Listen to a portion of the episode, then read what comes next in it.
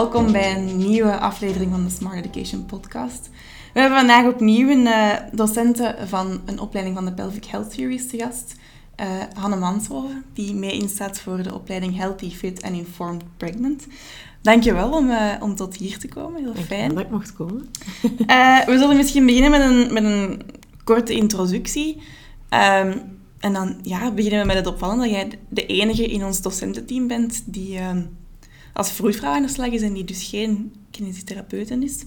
Uh, van waar de keuze om uh, als vroedvrouw aan de slag te gaan? Die, die ingeving was er eigenlijk al van toen ik tien jaar was. Um, en is nooit meer veranderd. Amai. ja.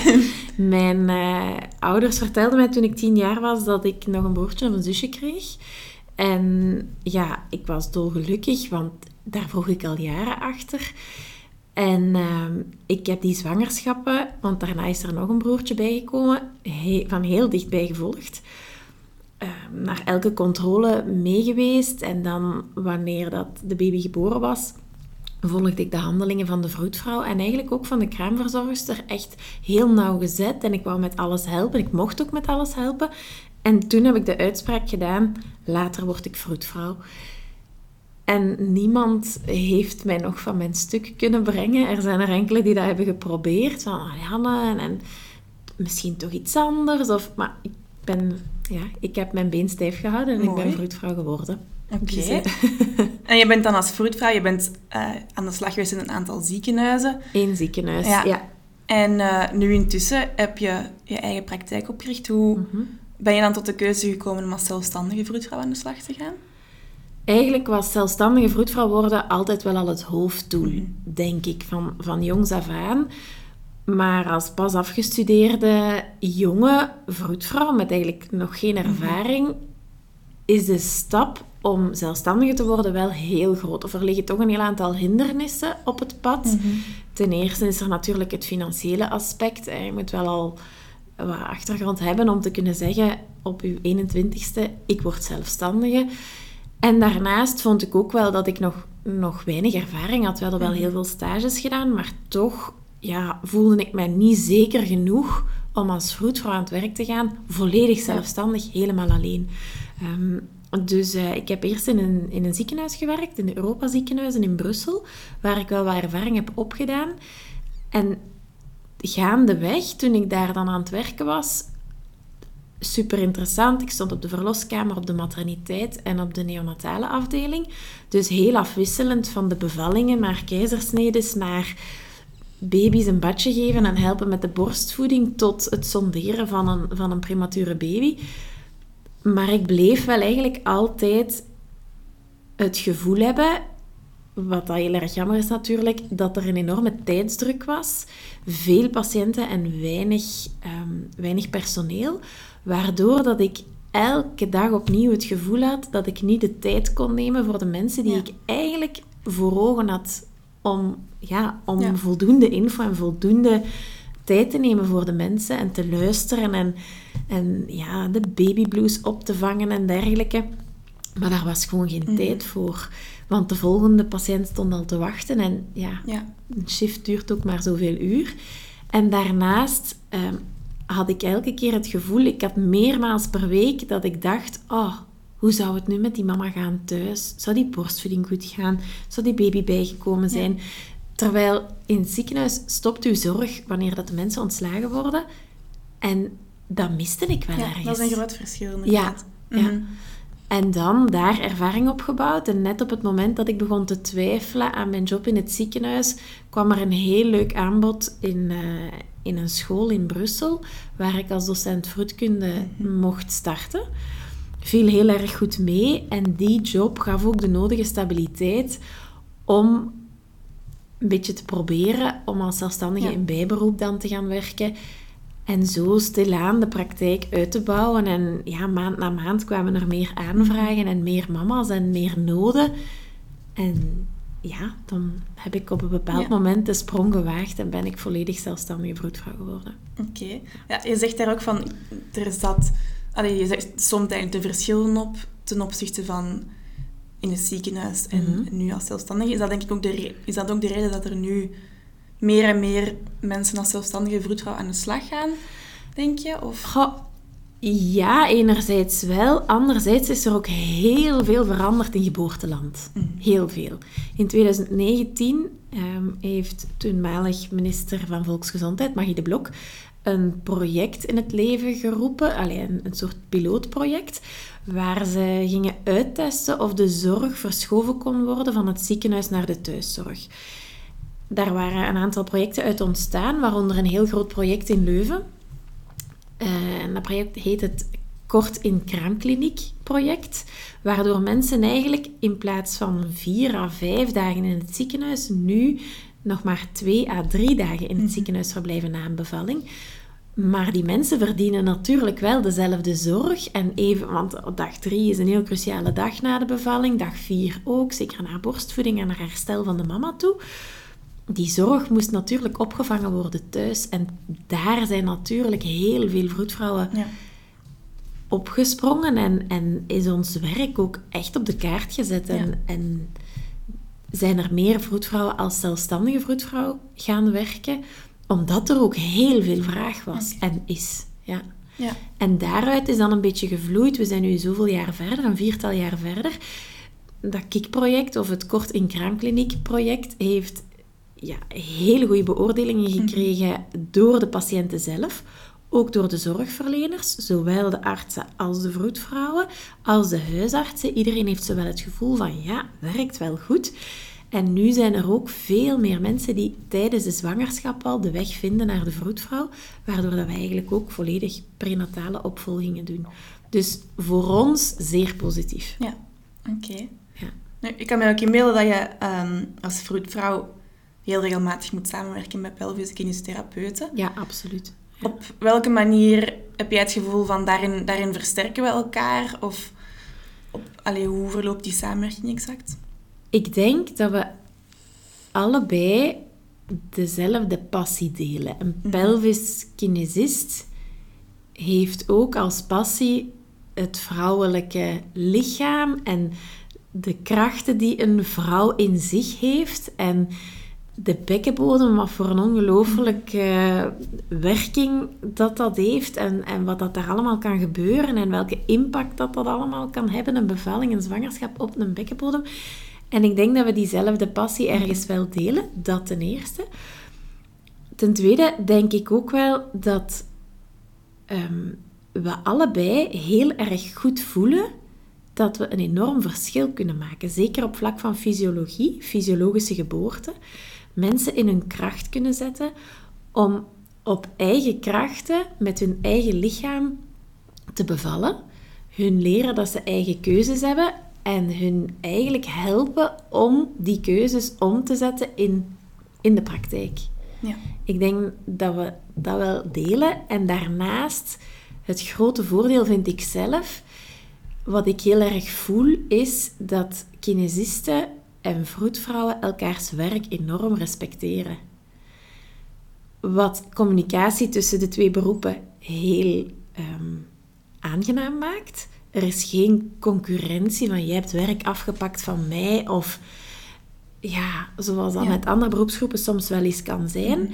En dat is er met kinesisten niet. Wat overleg over een patiënt heel leuk maakt, wat het laagdrempelig maakt voor zowel vroedvrouw als kinesist, maar ook voor de patiënt.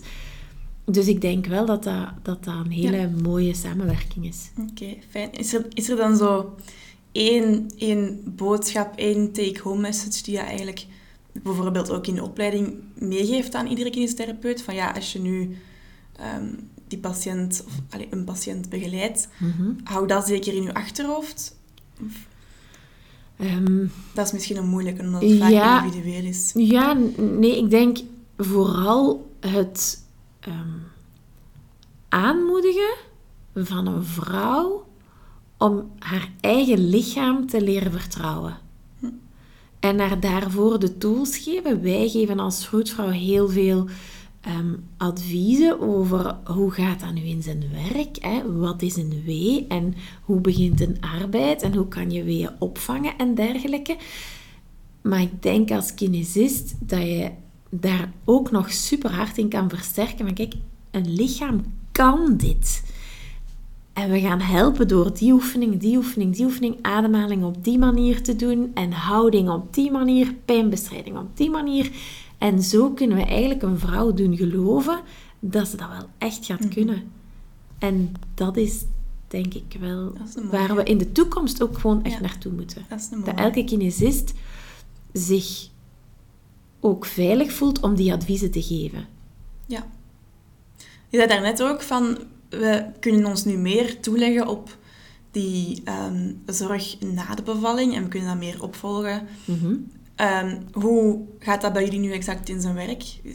De opvolging na de bevalling. Ja.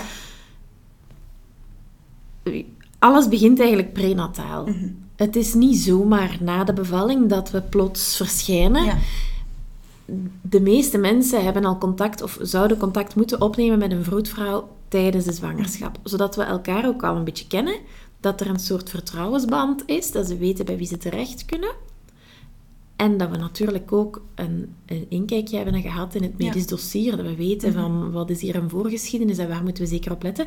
En dan is het na de bevalling eigenlijk de bedoeling om ehm, de mensen die naar huis gaan op dag 2, dag 3, dat we daar binnen de 24 uur zijn langs geweest voor een eerste huisbezoekje. Dus binnen de 24 uur na ontslag uit het ziekenhuis zijn we bij de mensen aanwezig, waar dat we dan enerzijds de baby gaan opvolgen. We gaan elke dag in die eerste dagen de baby wegen, om te kijken of dat die ehm, voldoende gegeten heeft en dergelijke. We bekijken zeker ook de kleur van de baby naar eh, geelzucht toe of hyperbilirubinemie. En daarnaast zijn er natuurlijk ook een aantal technische onderzoeken die we doen, zoals bijvoorbeeld op dag 3 doen we de Guthrie-test. Dat is een, een testje naar stofwisselingsziektes bij de baby via een bloedafname. En de reflexen controleren en algemeen het, het welzijn van de baby eigenlijk een beetje in de gaten houden. Daarnaast hebben we dan het luikje van de mama, hè. eventuele wondzorg, controleren of de baarmoeder terug een beetje naar zijn plaats kruipt waar dat die oorspronkelijk zat, bloedverlies in de gaten houden, een beetje kijken of er geen complicaties optreden. En het, het allergrootste gedeelte is natuurlijk het, het psychologische, het emotionele vangnet Ja. zijn voor mama's die heel ongerust zijn, papa's ook.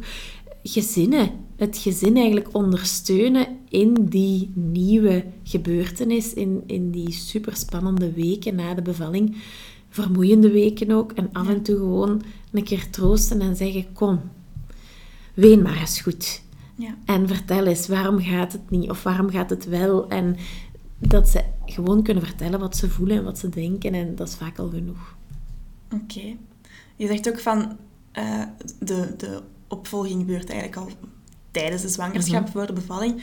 Stel nu, je krijgt iemand bij jou ehm, die op een natuurlijke manier bevallen. Welke, welke tips geef je dan op voorhand nog mee? Er zijn er veel die we meegeven. Vooral vertrouw op jezelf en op je eigen lichaam. Dat is een belangrijke. Bereid je goed voor.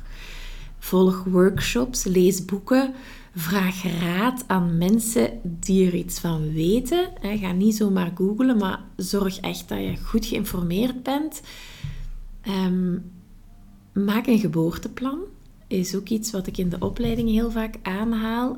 Dat doet de vrouwen nadenken over wat ze eigenlijk heel graag willen en wat ze liever niet willen. En zorg ervoor dat tijdens een arbeid, wanneer dat je op een plek bent, thuis of in het ziekenhuis, waar dat je ook bent, dat die omgeving heel veilig aanvoelt. Ja. Voel jij je veilig thuis en niet in een ziekenhuis? Blijf dan thuis. Wel met een vroedvrouw erbij, maar blijf dan nog zo lang mogelijk thuis. Voel jij je thuis niet veilig omdat je het knopje niet kan afzetten van stel dat er iets gebeurt, dan ben ik misschien te laat. Ga dan naar het ziekenhuis, maar maak het daar veilig en comfortabel. En hoe kan je dat doen? Door eigenlijk prikkels uit te schakelen die je storen. Bij de ene persoon is dat het geluid van de hartmonitor van de baby. Gewoon het geluid afzetten is vaak al genoeg om rust te vinden. Ja. Bij de andere persoon is het licht een TL-licht in een ziekenhuiskamer. Tegenwoordig wordt daar al heel veel aandacht aan geschonken dat dat geen TL-licht meer is of dimbaar licht.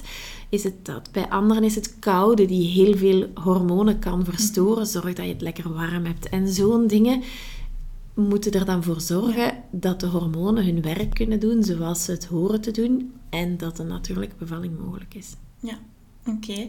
En wat dan bijvoorbeeld met een epidurale?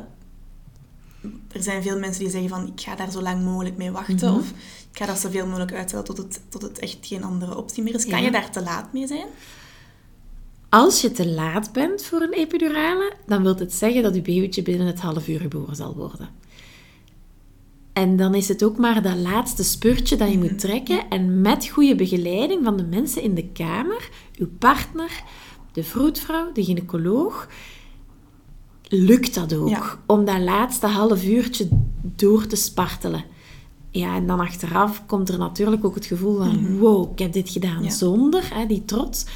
Dan pas is het echt te laat. Verder kan je eigenlijk op elk moment van de arbeid nog een epidurale vragen. En gaan ze daar ook wel info over geven. Van kijk, als we nu nog heel even doorzetten, dan lukt het zonder. Of we denken toch dat het nog lang gaat duren, dus misschien toch Ja. overwegen. Ehm, dat zijn dingen die in samenspraak gebeuren met de, Mhm. met de, de medische staf in, in het ziekenhuis. Oké. Nu, iets helemaal anders. Je bent ook eh, actief in de beroepsorganisatie. Ja. Wat is, wat is jouw rol daar juist in? Eigenlijk ben ik samen met een eh, collega-vroedvrouw ben ik verantwoordelijke van de vroedvrouwenkring Oost-Brabant. Dus dat is hier in het Leuvense, de zelfstandige vroedvrouwen, die zich een beetje verenigen om ideeën te sprokkelen, om hart te luchten, om te vergaderen over de nieuwigheden binnen Oost-Brabant. Daarnaast ehm, ben ik ook actief, allee, actief in de raad van bestuur van de Vlaamse beroepsorganisatie.